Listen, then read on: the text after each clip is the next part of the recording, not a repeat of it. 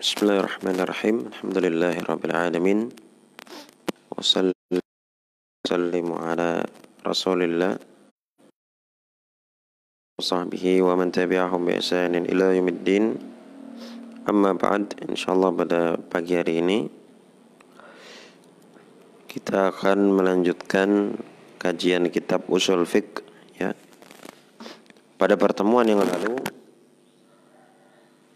kita sudah membahas beberapa hal terkait ilmu usul fikih ya. pengertian dari ilmu usul fik ya. apa itu kata usul apa itu fik ya demikian pula tema atau pembahasan dari ilmu usul fik ya dan insyaallah kita akan masuk pada masalah salisa permasalahan yang ketiga hukum ta'allumi usulil fiqh hukum mempelajari ilmu usul fiqh. Di sini penulis mengatakan Syekh Aiman ibn Musa hafizallahu taala حكم تعلم أصول الفقه فقال أهل العلم هو فرض على الكفاية لطالب, لطالب العلم بصورة عام ya. Para ulama berkata Hukum mempelajari ilmu usul fikih adalah fardu kifayah. Fardu kifayah. Li talibil ilmi bisuratin amin. Bagi penuntut ilmu. Fardu kifayah bagi penuntut ilmu bisuratin amin secara umum. Wa amma ta'allumu usul al-fiqh bin nisbati lil faqih أو لمن يريد أن يتعلم هذه الشريعة وأن يصل إلى درجة الاجتهاد فهو فرض عين Adapun mempelajari ilmu usul fikih terkait al-faqih, terkait orang terkait atau uh, ya terkait orang yang mempelajari ilmu fikih ya. atau orang yang menginginkan untuk mempelajari ilmu syariah ini ya, agar supaya dia bisa sampai kepada derajat ijtihad maka hukumnya fardu ain. Ya, jadi secara umum ilmu usul ini hukum mempelajarinya adalah fardu kifayah. Artinya tidak harus setiap orang itu mempelajari ilmu usul fiqh. Ya. Namun bagi orang yang hendak mempelajari ilmu fikih, orang yang hendak mempelajari ilmu syariah, ya, orang yang ingin berijtihad menyimpulkan hukum dari Al-Qur'an, dari sunnah, ya, atau orang yang ingin mentarjih Ya, orang ingin menterji, ingin menguatkan pendapat satu, pendapat yang ini atau pendapat yang itu. Karena diketahui ya bahwa ijtihad itu atau seorang mujtahid, seorang ahli ijtihad ada kalanya dia mujtahid mutlak. Ya, artinya mujtahid yang tidak terikat dengan madhab tertentu. Dia langsung menyimpulkan hukum dari Al-Quran, kemudian juga dari sunnah Nabi Sallallahu Alaihi Wasallam, dan dia memiliki metode tersendiri di dalam memahami Al-Quran Sunnah. Seperti misalkan para imatul mazahib imam mazhab yang empat. Dan ini mujtahid mutlak namanya. Maka dia harus mengetahui usul fiqh. Harus mempelajari ilmu usul fiqh. Atau mujtahid madhab atau terkenal dengan mujtahid tarji ya. Dia masih di dalam madhab tertentu. Dan dia akan mentarji atau menguatkan pendapat yang ada di tengah madhab tersebut ini namanya mujtahid tarjih. Ya, mujtahid tarjih. Dia tidak memiliki metode tersendiri di dalam menyimpulkan hukum Al-Quran ataupun sunnah Nabi. Seperti misalkan Syekhul Islam Ibn Taimiyah, mujtahid tarjih. Beliau seorang ulama hambali. Demikian pula uh, Syekh Al-Imam Nawawi rahimahullah mujtahid tarjih. Ya, Al-Imam Ibn Hajar Al-Asqalani mujtahid tarjih. Demikian pula, demikian pula Al-Imam Ibnu Ibnu Rajab Al-Hambali mujtahid tarji. Ya. Jadi di sini siapa pun yang hendak mempelajari fikih ya, ingin mempelajari syariah, kemudian juga ingin agar supaya dia sampai kepada derajat ijtihad, entah dia mujtahid mutlak atau mujtahid tarji, orang yang hendak menyimpulkan hukum ya atau hendak menguatkan satu pendapat, maka dia wajib mempelajari ilmu usul fiqh. Ya. Oleh karena itulah jangan orang itu dia masuk di dalam pembahasan fikih kecuali dia mempelajari ilmu usul fik. Ya. dia ingin mempelajari syariah, dia masuk dalam pembahasan syariah kecuali dia harus mempelajari ilmu usul fik. Ya, dia ingin menguatkan pendapat kecuali dia harus menguasai atau mempelajari ilmu usul fik. Dia tidak memiliki ilmu usul fik, bagaimana mungkin dia ya ingin menguatkan pendapat pendapat saya terkuat ini, terkuat itu. Ya. Baik, selanjutnya kata Syekh وذلك ليقدر بواسطة تعلم هذا العلم على استنبات الأحكام الشرعية من الأدلة yang demikian itu yakni kenapa seorang faqih seorang yang ingin mempelajari syariah seorang yang berijtihad dia wajib ain mempelajari ilmu usul fikih wa dzalika liyaqdira yang demikian itu agar supaya dia mampu biwasitati ta'alumi hadzal ilmi dengan perantara mengetahui atau mempelajari ilmu ini untuk menyimpulkan hukum-hukum syariah dari dalilnya agar supaya dia mampu menyimpulkan hukum-hukum syariah dari dalil-dalilnya dengan perantara mempelajari ilmu tersebut. Ya. Maka di sini saya mengatakan idzan huwa yaduru baina kaun baina kaunihi fardhan 'ala al-kifayah bi suratin 'amma wa fardun 'ala al-'ain bi suratin khasa.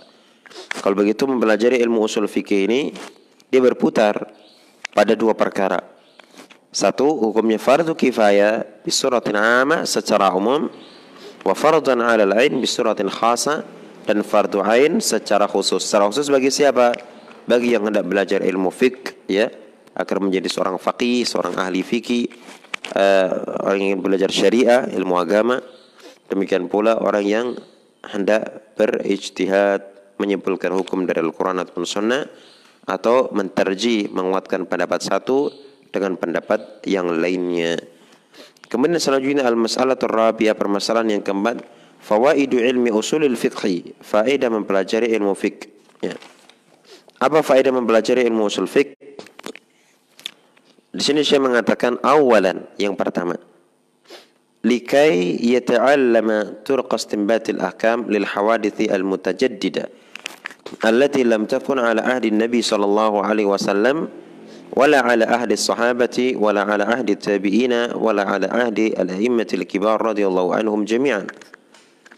Agar supaya dia likai yata'allama tariqa istinbatil ahkam kenapa dia harus belajar ilmu usul fiqh? Kata Syekh agar supaya dia mempelajari cara ya menyimpulkan hukum-hukum ya terkait kejadian-kejadian baru yang senantiasa baru atau senantiasa muncul. Agar supaya dia bisa mempelajari cara menyimpulkan hukum terkait kejadian-kejadian baru yang senantiasa muncul allati lam takun ala ahdi Nabi sallallahu alaihi wasallam yang belum pernah terjadi pada masa Nabi sallallahu alaihi wasallam. Wala ala ahdi sahabat, demikian pula belum terjadi pada masa sahabat. Wala ala ahdi tabi'in, belum pula terjadi pada masa tabi'in, ya. Wala ala ahdi laimatil kibar radhiyallahu anhum. Demikian pula belum pernah terjadi pada masa para imam-imam besar radhiyallahu taala Jadi ini faedah yang pertama disebutkan oleh Syekh ya kita bisa memiliki atau kita bisa mempelajari cara menyimpulkan sebuah hukum dari kejadian-kejadian yang baru dan senantiasa uh, berkembang. Ya senantiasa berkembang. Baik senantiasa muncul. Tanpa memiliki ilmu usul fiqh kita tidak bisa menyimpulkan hukumnya. Permasalahan-permasalahan yang baru muncul ini. Kemudian yang kedua yang kedua inna man yata'allama usul al-fiqh yastati'u yakuna qadiran ala difai an wajhi nazarihi fil masail allati yuraji'uha wal waqa'i' allati yatakallamu fiha inna man yata'allama usul al-fiqh sesungguhnya orang yang mempelajari ilmu usul fiqh ya yastati' dia akan mampu ay yakuna qadiran ala difa untuk membela an wajhi nadarihi pendapatnya fil masail allati yurajihuha terkait masalah-masalah yang dia kuatkan. Ya. Seorang yang mempelajari ilmu usul fiqh dia akan mampu untuk membela pendapatnya terkait masalah-masalah yang dia rojihkan. Dia akan mampu mempertahankan pendapat dia. Ya, pada masalah-masalah yang diperselisihkan kemudian dia rajihkan, dia kuatkan. Gitu ya, tanpa mengetahui ilmu usul dia tidak akan bisa untuk mempertahankan pendapat dia. Kemudian selanjutnya ya wal waqa'i allati yatakallamu fiha. Ya, dia juga akan memiliki kemampuan ya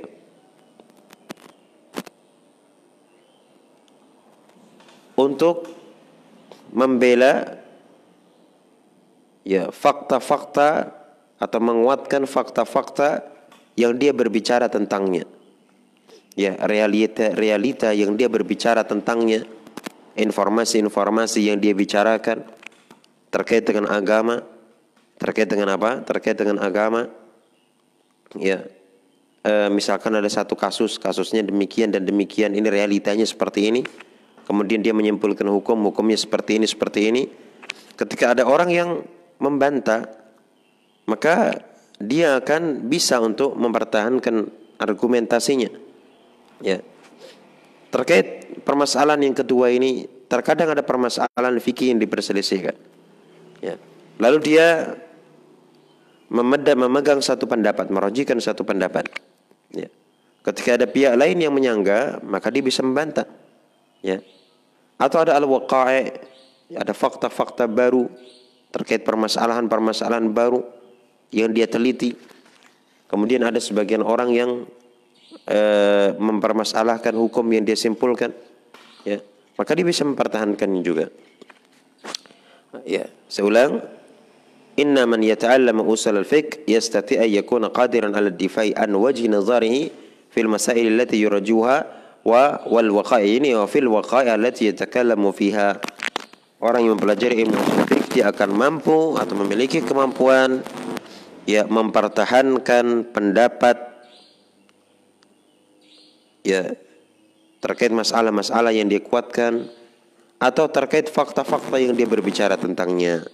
Salisan yang ketiga, innal arifa bil hukmi wa adillati hadzal hukmi yakunu a'zama ajran min alladhi ya, min alladhi ya'lamu al hukma biduni adillah. Orang yang mengetahui hukum dan dalil-dalil hukum maka pahalanya lebih besar daripada orang yang mengetahui hukum tanpa dalil. Ya orang yang mengetahui hukum berdasarkan dalil ini pahalanya lebih besar daripada orang yang mengetahui hukum tanpa dalil.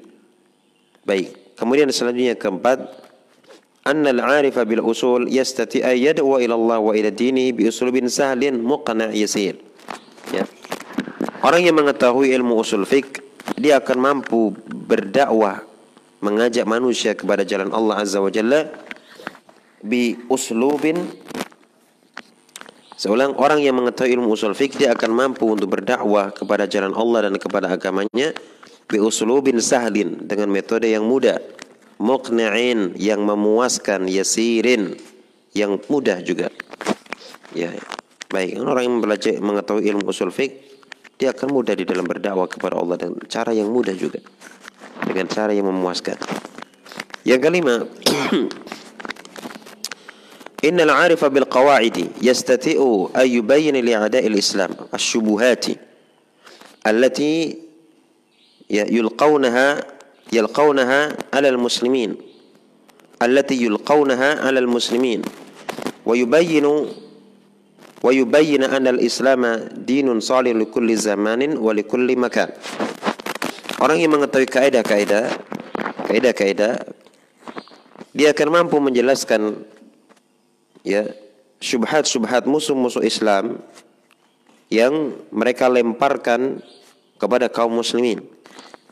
Orang yang mengetahui ilmu usul fik, ya, dia akan mampu untuk membantah atau menjelaskan syubhat ini kerancuan-kerancuan dari musuh Islam yang dilemparkan kepada kaum muslimin. Ya. Wa yubayyina wa yubayyina anal Islam dinun salihun dan dia akan mampu menjelaskan bahwa Islam adalah agama yang layak likulli zamanin wa likulli makan untuk setiap waktu dan untuk setiap tempat.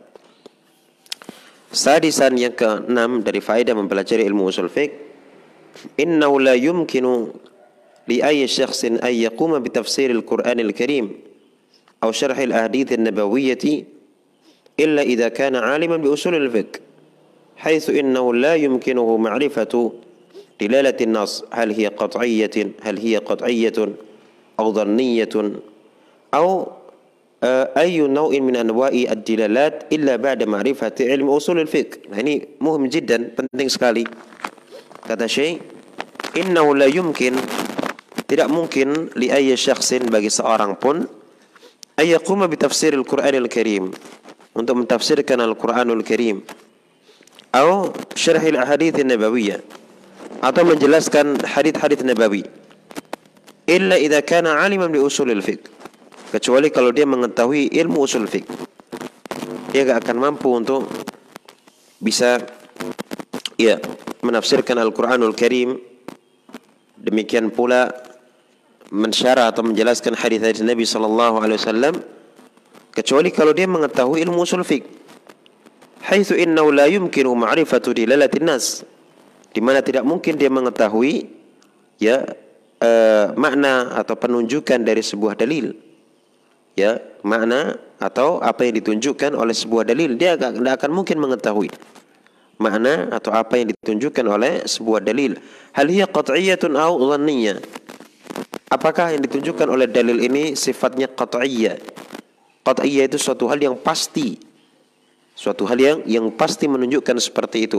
Dhanniyah atau sifatnya dhanniyah jadi apa yang disebutkan makna atau dilalah yang disebutkan di dalam dalil itu sifatnya zanniyah. Yakni uh, apa itu namanya? Sangkaan kuatnya. Sangkaan kuatnya bahwa dalil ini ya sangkaan kuatnya difahami seperti ini ya ah, ini namanya zanniyah namanya apa zanniyah ada yang dia pasti difahami seperti ini gak bisa difahami yang lain itu namanya apa? Qat'iyah. Ya. Tanpa mengetahui ilmu usul tidak mungkin dia bisa mengetahui. Ini dalalahnya, dilalahnya penunjukannya sifatnya qat'i atau sifatnya dhanni. Ya. Atau ayu naw'in min anwa'id dilalat atau ya eh, nas tersebut menunjukkan dari eh, jenis-jenis uh, dilalat yang lainnya. Karena nas itu terkadang menunjukkan qat'i, kadang menunjukkan dhanni, ya. Kadang nas atau dalil itu ya dilalatnya ya penunjukannya dia menunjukkan suatu hal yang maknanya am atau maknanya khas, maknanya umum atau maknanya khusus atau eh, dalam dalil itu ada yang sifatnya mutlak, ada yang sifatnya muqayyad ya. Baik. Tentu di sini seseorang tidak akan bisa untuk menafsirkan ayat-ayat Al-Qur'an atau hadis-hadis Nabi sallallahu alaihi wasallam kecuali mengetahui ilmu usul fiqh. Ya, karena apakah itu uh, dhanni, apakah itu uh, qat'iyah, apakah itu sifatnya am atau khas atau mutlak atau muqayyad, ini dibahas di ilmu usul fiqh. Maka Syekh mengatakan illa ba'da ma'rifati ilmi usul fiqh. Ya, tidak mungkin dia mengetahui dilalatun nas. Ya, makna yang ditunjukkan oleh nas. Ya, apakah itu qat'i atau dhanni atau am atau muqayyad, ya illa ba'da ma'rifati ilmu usul fiqh kecuali setelah dia mengetahui ilmu ilmu usul fiqh iya baik selanjutnya al mas'alatul khamisah permasalahan yang kelima masadiru usulul fiqh sumber dari ilmu usul fiqh Nah ilmu usul ini sumbernya dari mana? Dia diambil dari mana? Di sini Syekhuna Aiman bin Musa hafizallahu taala beliau mengatakan Al-masadiru allati istamadda Ulamau minha ilma usul fiqh sumber-sumber yang diambil oleh ulama iya terkait dengan ilmu usul fiqh yang pertama adalah usul din. dalil-dalil agama usuluddin dimaksudkan adalah apa dalil-dalil agama karena usul bisa bermakna apa kemarin dalil ya usuluddin dalil-dalil agama ini alkitab wa sunnah alkitab dan sunnah Jadi ilmu usul fiqh itu diambil dari Alkitab dan As-Sunnah. Ya. وهذا الاستمداد من هذا العلم يتوقف على فهم الأدلة الشرعية Ya. Sumber dari ilmu ini terkait Al-Quran dan As-Sunnah atau pengambilan sumber ilmu usul fikih dari Al-Quran dan As-Sunnah yatawaqqafu ala ya berhenti pada fahmil adillah syar'iyyah, pemahaman terhadap dalil-dalil syar'i. Ya. Jadi terkait dengan sumber Al-Quran dan Sunnah, bagaimana maksudnya? Maksudnya pemahaman terhadap dalil-dalil syar'i. Di mana ulama memahami dalil-dalil syar'i ya dari Al-Quran ataupun dari As-Sunnah, kemudian mereka menyimpulkannya ya dalil-dalil tersebut, mereka menyimpulkan dari dalil-dalil tersebut ke dalam al-qawaid al-'amah kaidah umum yang dikenal dengan ilmu usul fikih ya kan?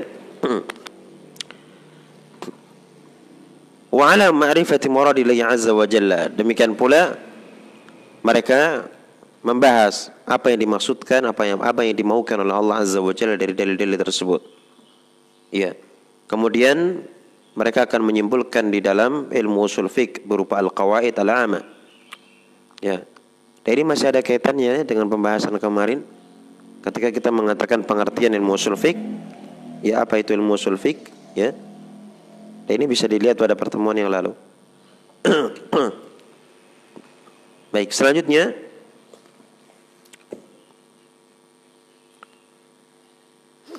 Wasidkur Rasul sallallahu alaihi wasallam al-muballigh an rabbih.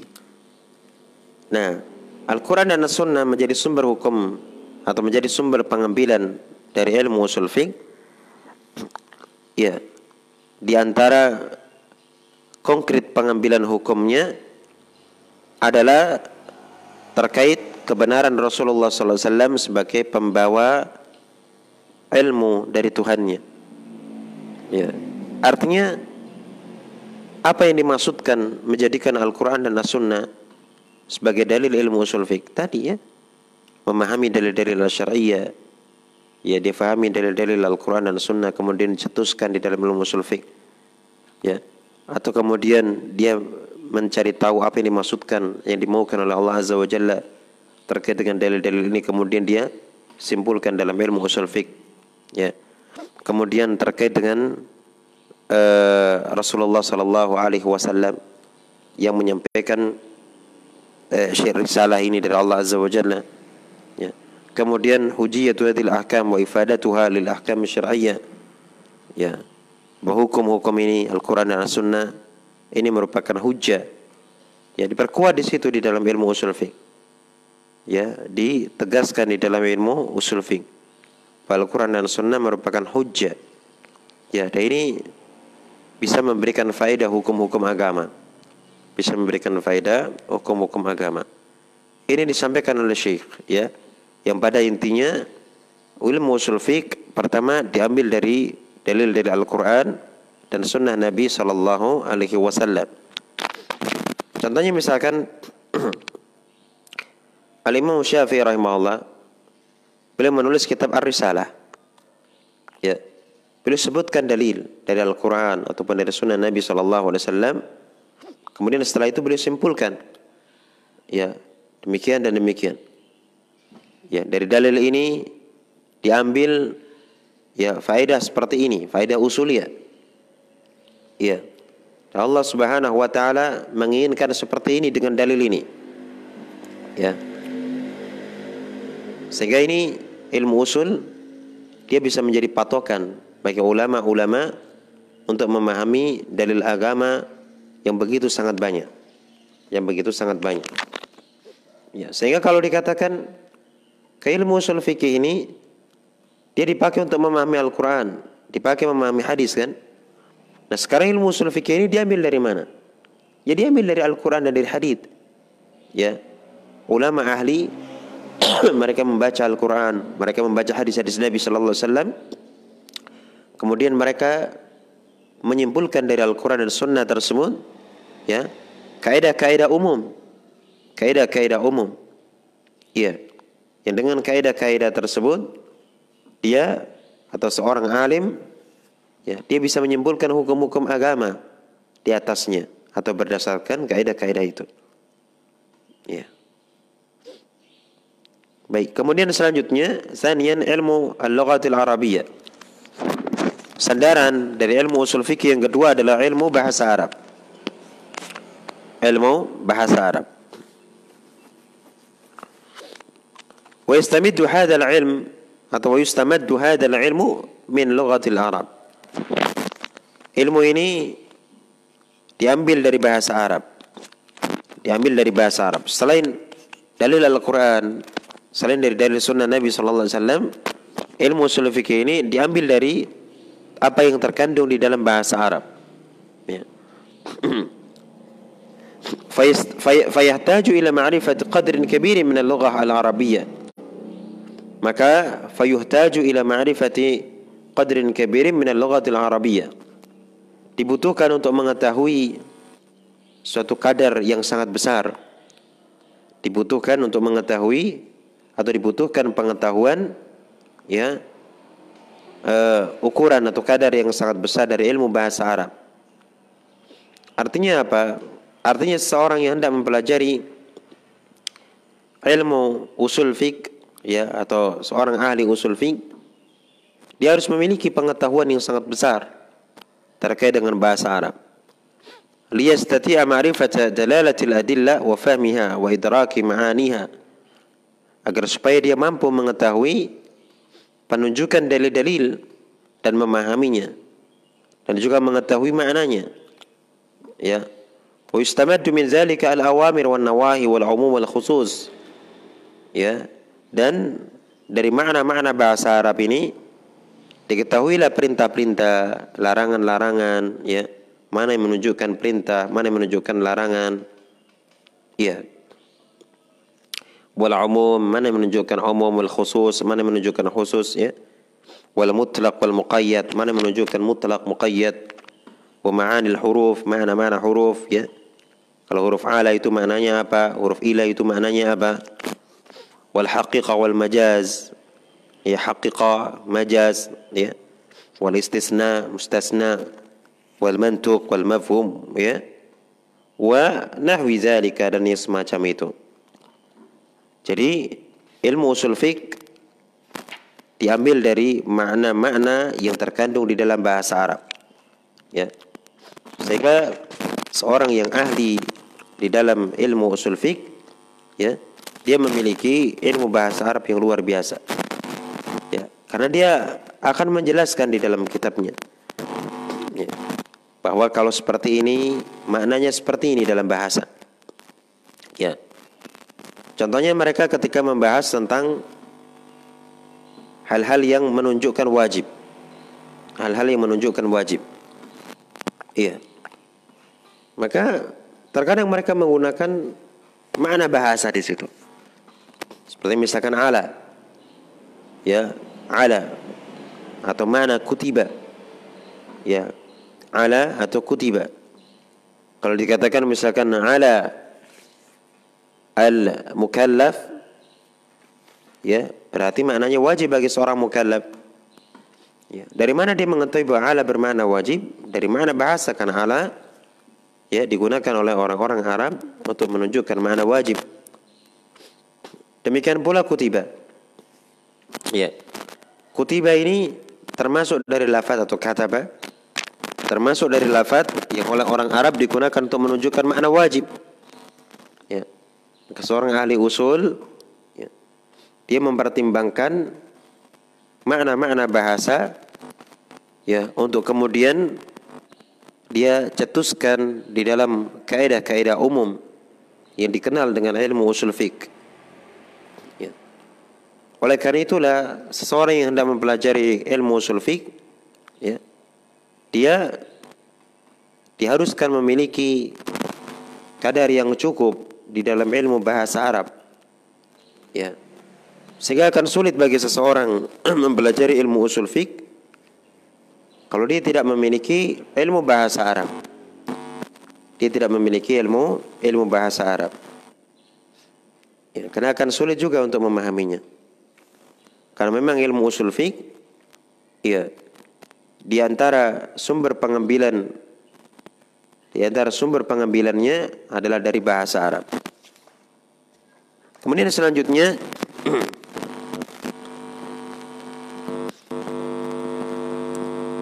Al-masal al-mas'alatu sadisa, masalah yang keenam. Nash'atu ilmi usul al-fiqh. Nash'atu ilmi usul al-fiqh. Perkembangan ilmu usul fiqh. Karena ashabu Nabi saw.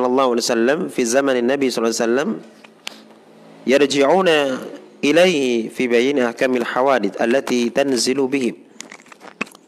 Para sahabat Nabi sallallahu alaihi wasallam pada masa Nabi sallallahu alaihi wasallam mereka merujuk kepada Nabi terkait penjelasan hukum-hukum kejadian yang muncul di tengah-tengah mereka. Kama ja'a rajul ila Nabi sallallahu alaihi wasallam yaqul ya Rasulullah halaktu. Sebagaimana seseorang datang kepada Nabi sallallahu alaihi wasallam dan dia berkata wahai Rasulullah aku celaka. Binasa. Qala lahu Nabi sallallahu alaihi wasallam ma amalkaka?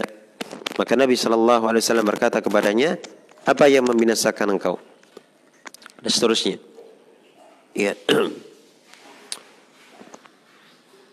فلما توفي النبي صلى الله عليه وسلم كان الصحابة رضي الله عنهم يأخذون حكم حوادثهم ونوازل من الكتاب والسنة ya tatkala Nabi SAW wafat para sahabat radhiyallahu taala anhum mereka mengambil hukum kejadian-kejadian baru yang menimpa mereka dari Al-Quran dan dari Sunnah mereka ambil itu dari Al-Quran dan dari Sunnah ya فإذا لم يجدوا حكمها فيهما اجتهدوا وأخذوا الحكم عن طريق الاجتهاد بأنواعه ya kalau mereka tidak mendapatkan hukumnya dari Al-Quran dari Sunnah mereka ijtihad dan mereka mengambil hukum dari jalan ijtihad dengan berbagai macam jenisnya ya seperti ijtihadnya Abdullah bin Mas'ud ijtihadnya Abdullah bin Abbas. Nah, ini nampak ijtihad-ijtihad mereka ya.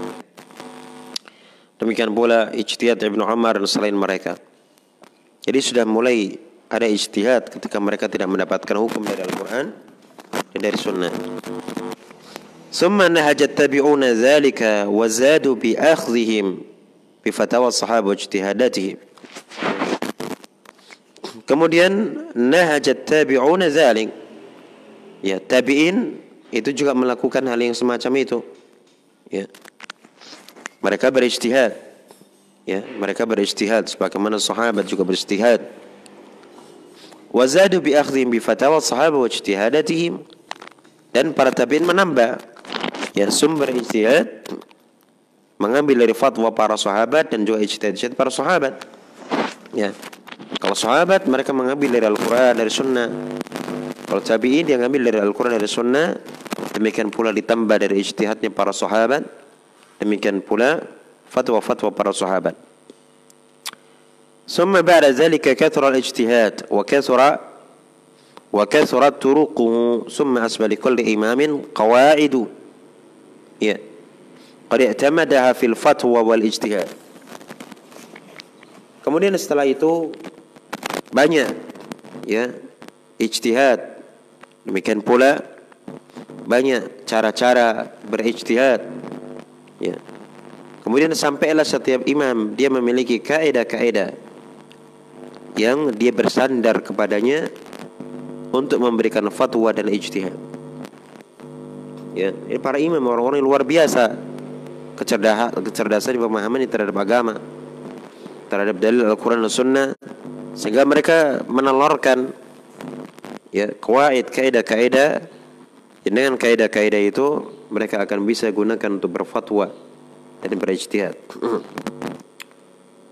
وهؤلاء الأئمة لم يدونوا تلك القواعد التي اعتمدوها في اجتهاداتهم حتى جاء الإمام الشافعي رحمه الله فبدأ بتدوين هذه الأصول وهذه الأحكام فدونها في كتابه الرسالة ya dan para imam ini mereka belum menulis kaidah-kaidah tersebut yang mereka gunakan sebagai sandaran dalam berijtihad mereka. Ya. Sampai datanglah Imam Syafi'i rahimahullah. Maka beliau mengawali penulisan usul ya atau kaidah-kaidah tadi, prinsip-prinsip tadi, sandaran-sandaran berfatwa tadi, wahadil ahkam dan juga hukum-hukum tadi. Ya. Fadawana fi kitab risalah. Maka beliau menulis ya usul atau pondasi-pondasi ya ini ilmu usul fikih maksudnya ya dalam kitab beliau yang berjudul yang berjudul Ar-Risalah فنبه الشافعي رحمه الله أنظر العلماء والباحثين إلى متابعة البحث. في هذا العلم. حتى أصبح علم أصول الفقه علما مستقلا رتبت أبوابه وحررت مسائله وجمعت مباحثه وألفت فيه المؤلفات. وألفت فيه المؤلفات على اختلاف في الطرق التي اتبعوها في الطرق التي اتبعوها في التأليف Kemudian Imam Syafi'i mengingatkan ya pendapat-pendapat para ulama, ini mengingatkan para ulama dan para orang-orang yang membahas untuk ya membahas ilmu ini, ini ilmu usul fiqh. Sehingga ilmu usul fiqh menjadi ilmu yang terpisah. Ya, ilmu yang terpisah, ini ilmu yang tersendiri. Ya, karena biasanya ini ya sebelum Imam Syafi'i ilmu usul fiqh ini ini tidak dipisahkan dalam cabang ilmu sendiri. Ya, Ya, dia masuk di dalam ilmu usul fiqh ada kaidah disebutkan di situ. Ya, dan juga ilmu-ilmu yang lainnya. Ya. Sampai akhirnya pada masa Imam Syafi'i ilmu usul fiqh dipisahkan. Ya, dari cabang-cabang ilmu yang lainnya sehingga lebih fokus ya. Rutibat abwabuhu bab-babnya disusun. Wa hurirat masailuhu masalah-masalah yang dibahas di situ ditahrir. Ya, Kemudian wa jumi'at mabahisuhu. Pembahasan-pembahasannya dikumpulkan apa saja. Wa ulifat fihi al-mu'allafatu ala ikhtilafin fi turuq allati ittaba'uha fi ta'lif. Ya. Dan ditulislah pada cabang ilmu usul fikih ini tulisan-tulisan sesuai dengan perbedaan metode penulisan yang mereka ikuti. Ya, jadi mulai ditulislah kitab-kitab usul fikih dengan metodologi yang mereka ikuti. Ya, ini beda-beda ya, karena beda-beda. Beda-beda antara ulama satu dan ulama yang lain di dalam menyusun buku ilmu usul fiqh. Kemudian al-mas'alah sabiah, permasalahan yang ketujuh. Dan sebelumnya saya mengatakan ya, al-Imam Syafi'i rahimahullah taala awwala man kataba wa alafa fi ilmi usul al-fiqh. Ya.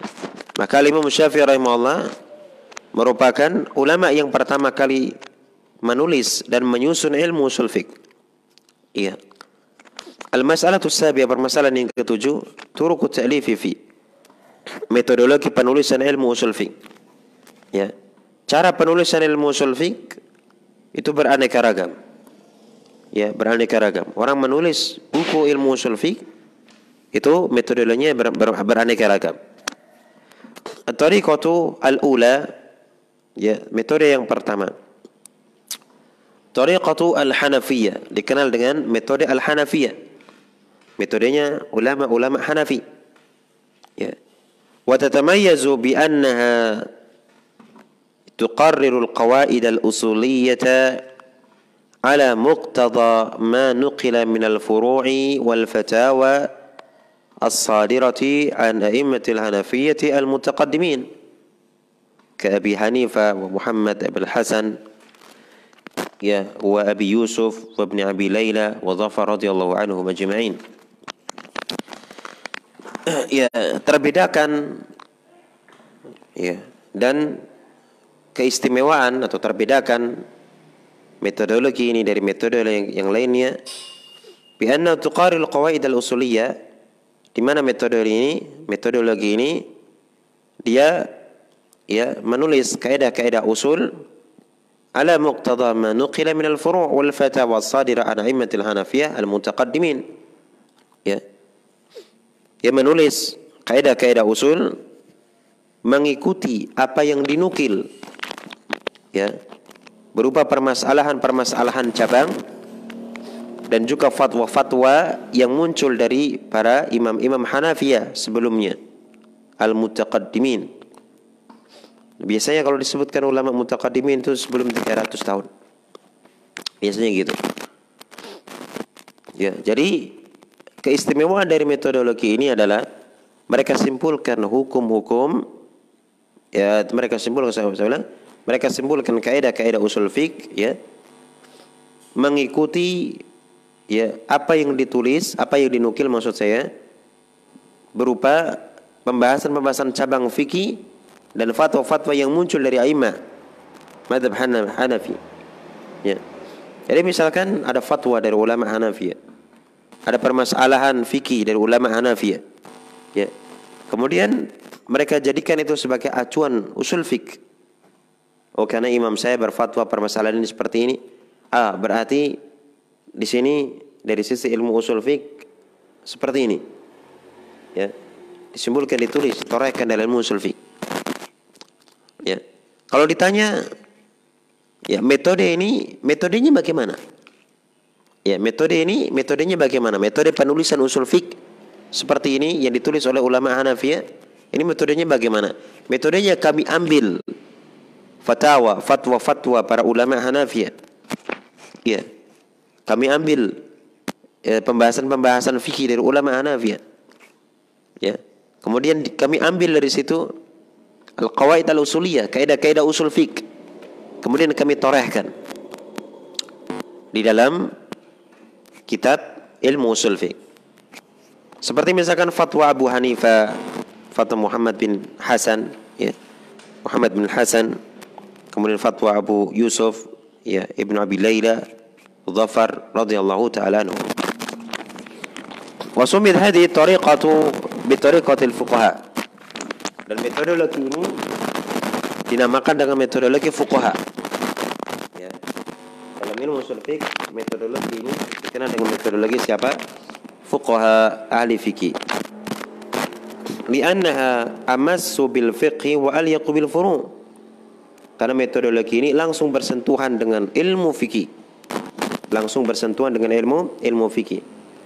Wa aliyaku bil furu dan lebih layak lebih layak, lebih mengena ya uh, dengan apa terkait pembahasan furu fikih. Ya, lebih bersentuhan dengan ilmu fikih gitu ya, lebih mudahnya seperti itu kita. Baik. Kalau wa aliyak artinya lebih layak. Ya, lebih layak bil furu' untuk uh, langsung dikaitkan dengan furu' furu' ini fikih. Furu' ini fikih. Ya. jadi kenapa dikatakan tariqatul fuqaha? Karena tadi dia pengambilan dari mana? Dari ilmu fikih langsung. Qaid usuliyah ini diambil dari ilmu ilmu fikih langsung. Kalau dia langsung bersentuhan dengan ilmu, ilmu fikih maka metodologi ini disebut dengan metodologi fuqaha metodologi fuqaha Baik, selanjutnya wa min ahammi kutubi hadhihi tariqah. Ya, di antara kitab-kitab yang paling penting ya yang ditulis melalui jalan ini adalah kitab Al-Fusul fil Usul lil Jassas ya.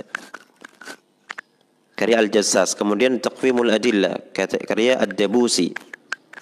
Kemudian kitab Al-Usul, kitab Usul karya ya. As-Sarakhsi kemudian Masailul Khilaf. Karya As-Sayrami. Kemudian Mizanul, Mizanul Usul karya As-Samarqandi. Kemudian Tariqatu Thaniya metodologi yang kedua. Cara penyusunan kitab usul fikih yang kedua. Tariqatul Jumhur metodologinya jumhur ulama. Jadi mayoritas ulama mayoritas ulama mereka menulis kitab usul fikih mereka dengan metode atau cara seperti itu. Ya. Baik, yani Al-Maliki wa Syafi'i wal Hanabila wa ma'amul Mu'tazilah. Tarikatul Jumhur ini adalah tarikahnya Maliki ulama-ulama yang bermazhab Maliki. Kemudian Syafi'i ulama madhab Syafi'i, Al-Hanabila ulama madhab Hanbali. Wa ma'ahum wa ma'ahum al-Mu'tazilah. Dan bersama mereka ini bersama jumhurul ulama ada kalangan Mu'tazilah. Jadi orang-orang Mu'tazilah juga di dalam menulis ilmu usul fiqh mereka menggunakan metodologi ini. وتتميز هذه الطريقة بالميل الشديد إلى الاستدلال العقلي والبسط في الجدل والمناظرات والتجريد نعم al-masaili al-usuliyah anil furu' al-fiqhiyah. Metodologi ini terbedakan dengan metodologi yang lainnya. Bil mail syadid ila al-istidlal al-aqli wal basti fil jidal wal munazarat. Ya, terbedakan dengan satu ya. Al-mail syadid sangat condong ila al-istidlal al-aqli sangat condong kepada uh, al-istidlal aqal al-aqli yakni pendalilan berdasarkan logika. Ya, metodologi ini sangat condong kepada pendalilan secara logika. Ya.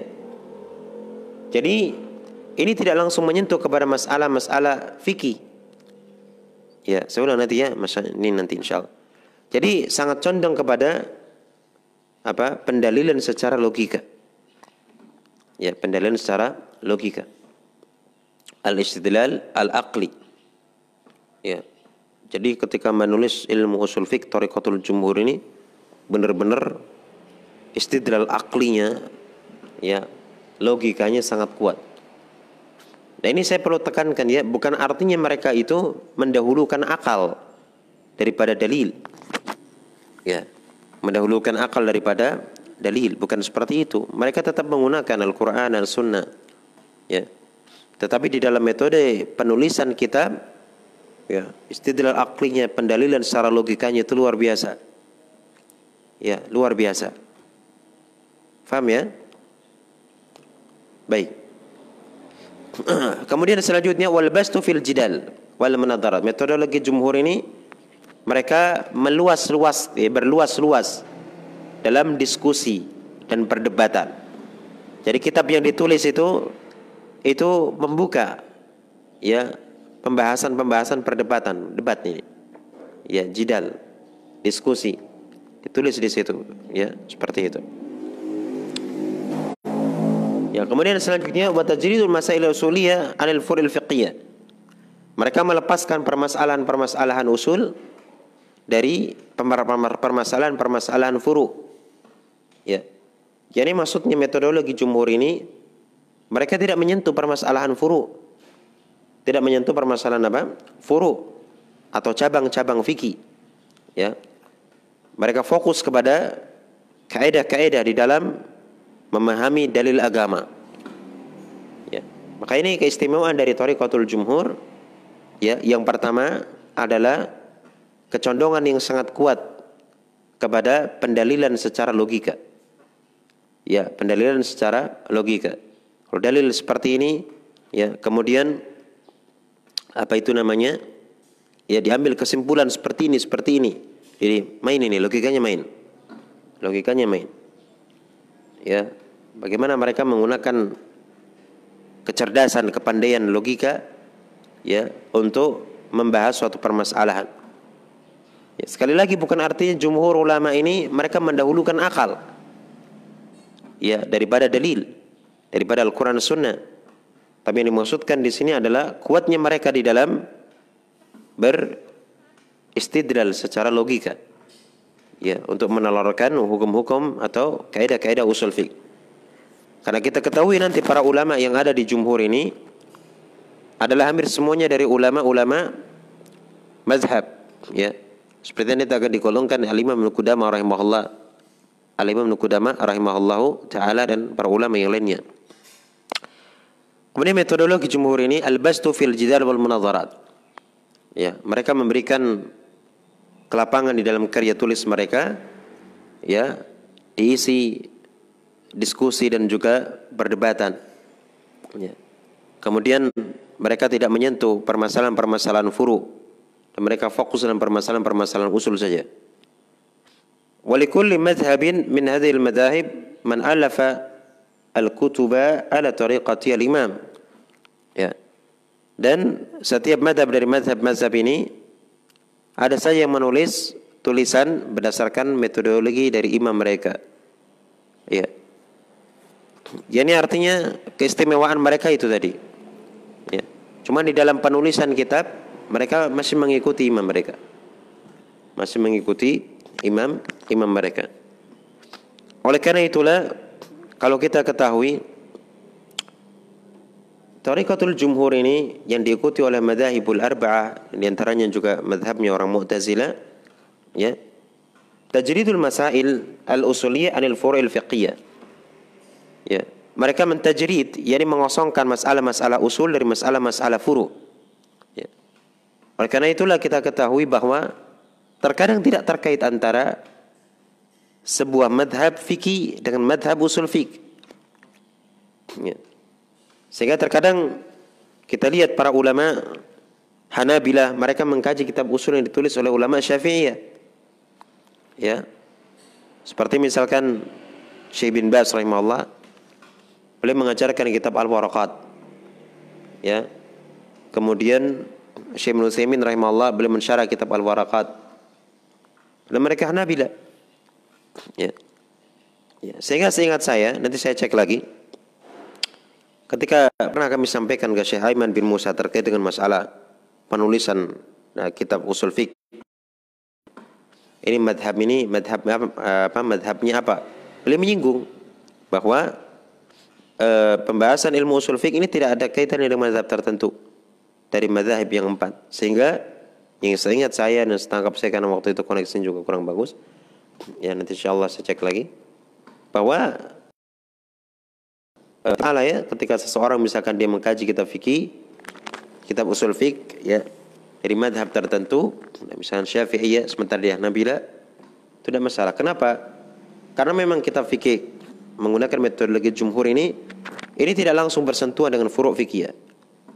ya bahkan metodologi mereka mengosongkan pembahasan usul fik dari pembahasan furuk fik ya dari pembahasan fikihnya. Ya. Ada masalah seorang uh, hambali dia mempelajari kitab usul fikih dari Syafi'i itu tidak masalah. Walaupun tentu saja terkadang ya karena ilmu fikih dan usul fikih ini suatu hal yang bisa dibilang ya uh, qarin ya harus bersama maka terkadang akan lebih nyaman ketika seorang hambali dia mempelajari usul fikih dari hambali ya seorang Syafi'i dia akan dia mempelajari ilmu usul fiqh dari dari Syafi'i. Selanjutnya, wa min kutubil Malikiyah di antara kitab-kitab ulama Malikiyah adalah At-Takrib wal Irsyad karya Al-Baqilani.